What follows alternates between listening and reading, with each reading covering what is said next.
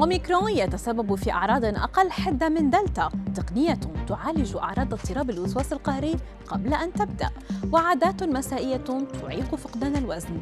أبرز أخبار الساعات الأربع والعشرين الماضية في دقيقتين على العربية بودكاست.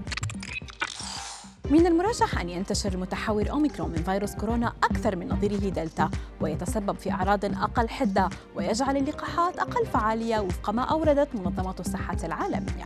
وأكدت المنظمة أن المتحور أوميكرون تم رصده في 63 دولة حتى الآن رغم أن الأعراض في الوقت الحالي تبدو خفيفة إلى معتدلة في كل من جنوب إفريقيا حيث ظهر للمرة الأولى وفي أوروبا.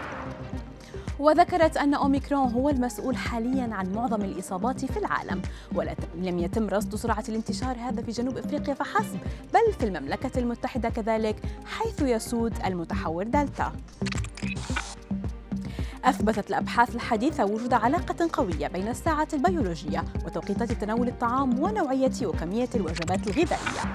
لهذا يوصي اختصاصيو التغذية بالتوقف عن عادات خاطئة تحديدا بعد الساعة الخامسة مساء.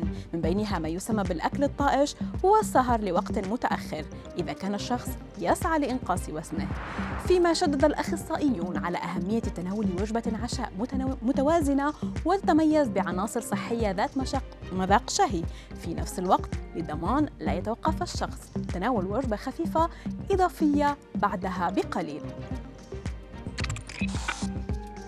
يعاني حوالي واحد من كل خمسين شخصا من اضطراب الوسواس القهري دي خلال حياتهم. وفقا ما نشرت ديلي ميري البريطانية تمكن فريق من العلماء من اكتشاف تقنية تمنح نظرة ثاقبة على إشارات الدماغ. ومن ثم يمكن تشخيص الأشخاص المحتمل معاناتهم من اضطراب الوسواس القهري في مرحلة مبكرة.